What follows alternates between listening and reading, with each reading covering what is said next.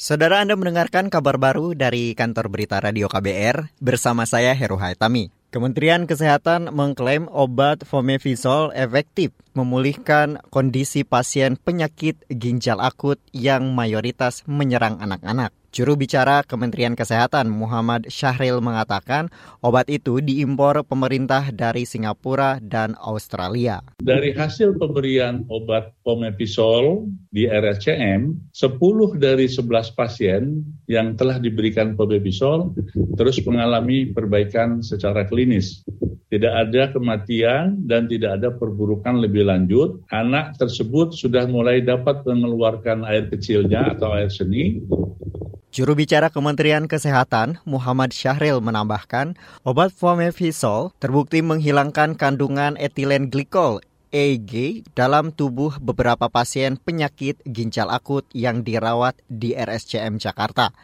Obat itu akan didistribusikan ke seluruh provinsi secara gratis. Hingga kemarin, Kementerian Kesehatan mencatat ada lebih dari 250 kasus penyakit ginjal akut. Dari jumlah itu, 143 orang meninggal.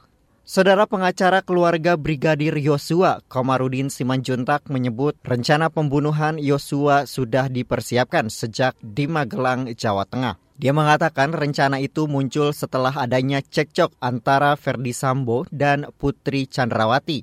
Itu disampaikan Komarudin saat menjadi saksi dalam sidang di Pengadilan Negeri Jakarta Selatan hari ini. Pertengkarannya informasinya karena wanita.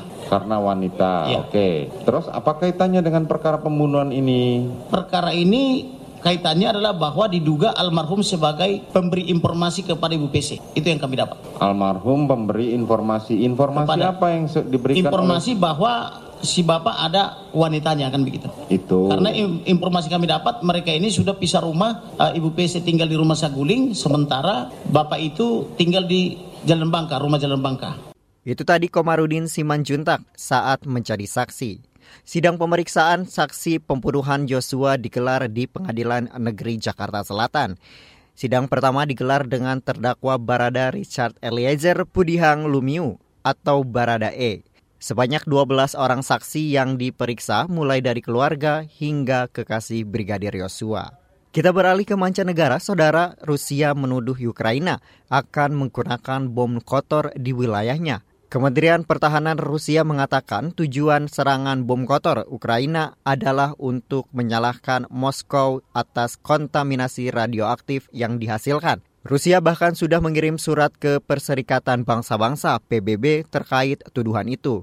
Dilansir dari Reuters, dalam surat itu, Duta Besar Rusia untuk PBB Vasily Bibenzia menganggap penggunaan bom kotor oleh rezim Kiev sebagai tindakan terorisme nuklir. Para diplomat mengatakan Rusia berencana mengangkat masalah ini pada pertemuan tertutup dengan Dewan Keamanan PBB hari ini. Merespon itu, Presiden Ukraina Volodymyr Zelensky mengatakan, tuduhan tersebut justru menunjukkan Rusia sedang merancanakan serangan semacam itu dan bersiap mengalihkan kesalahan ke Ukraina. Perancis, Inggris, dan Amerika Serikat mengatakan tuduhan itu salah. Washington bahkan memperingatkan Rusia akan ada konsekuensi parah untuk penggunaan nuklir apa pun.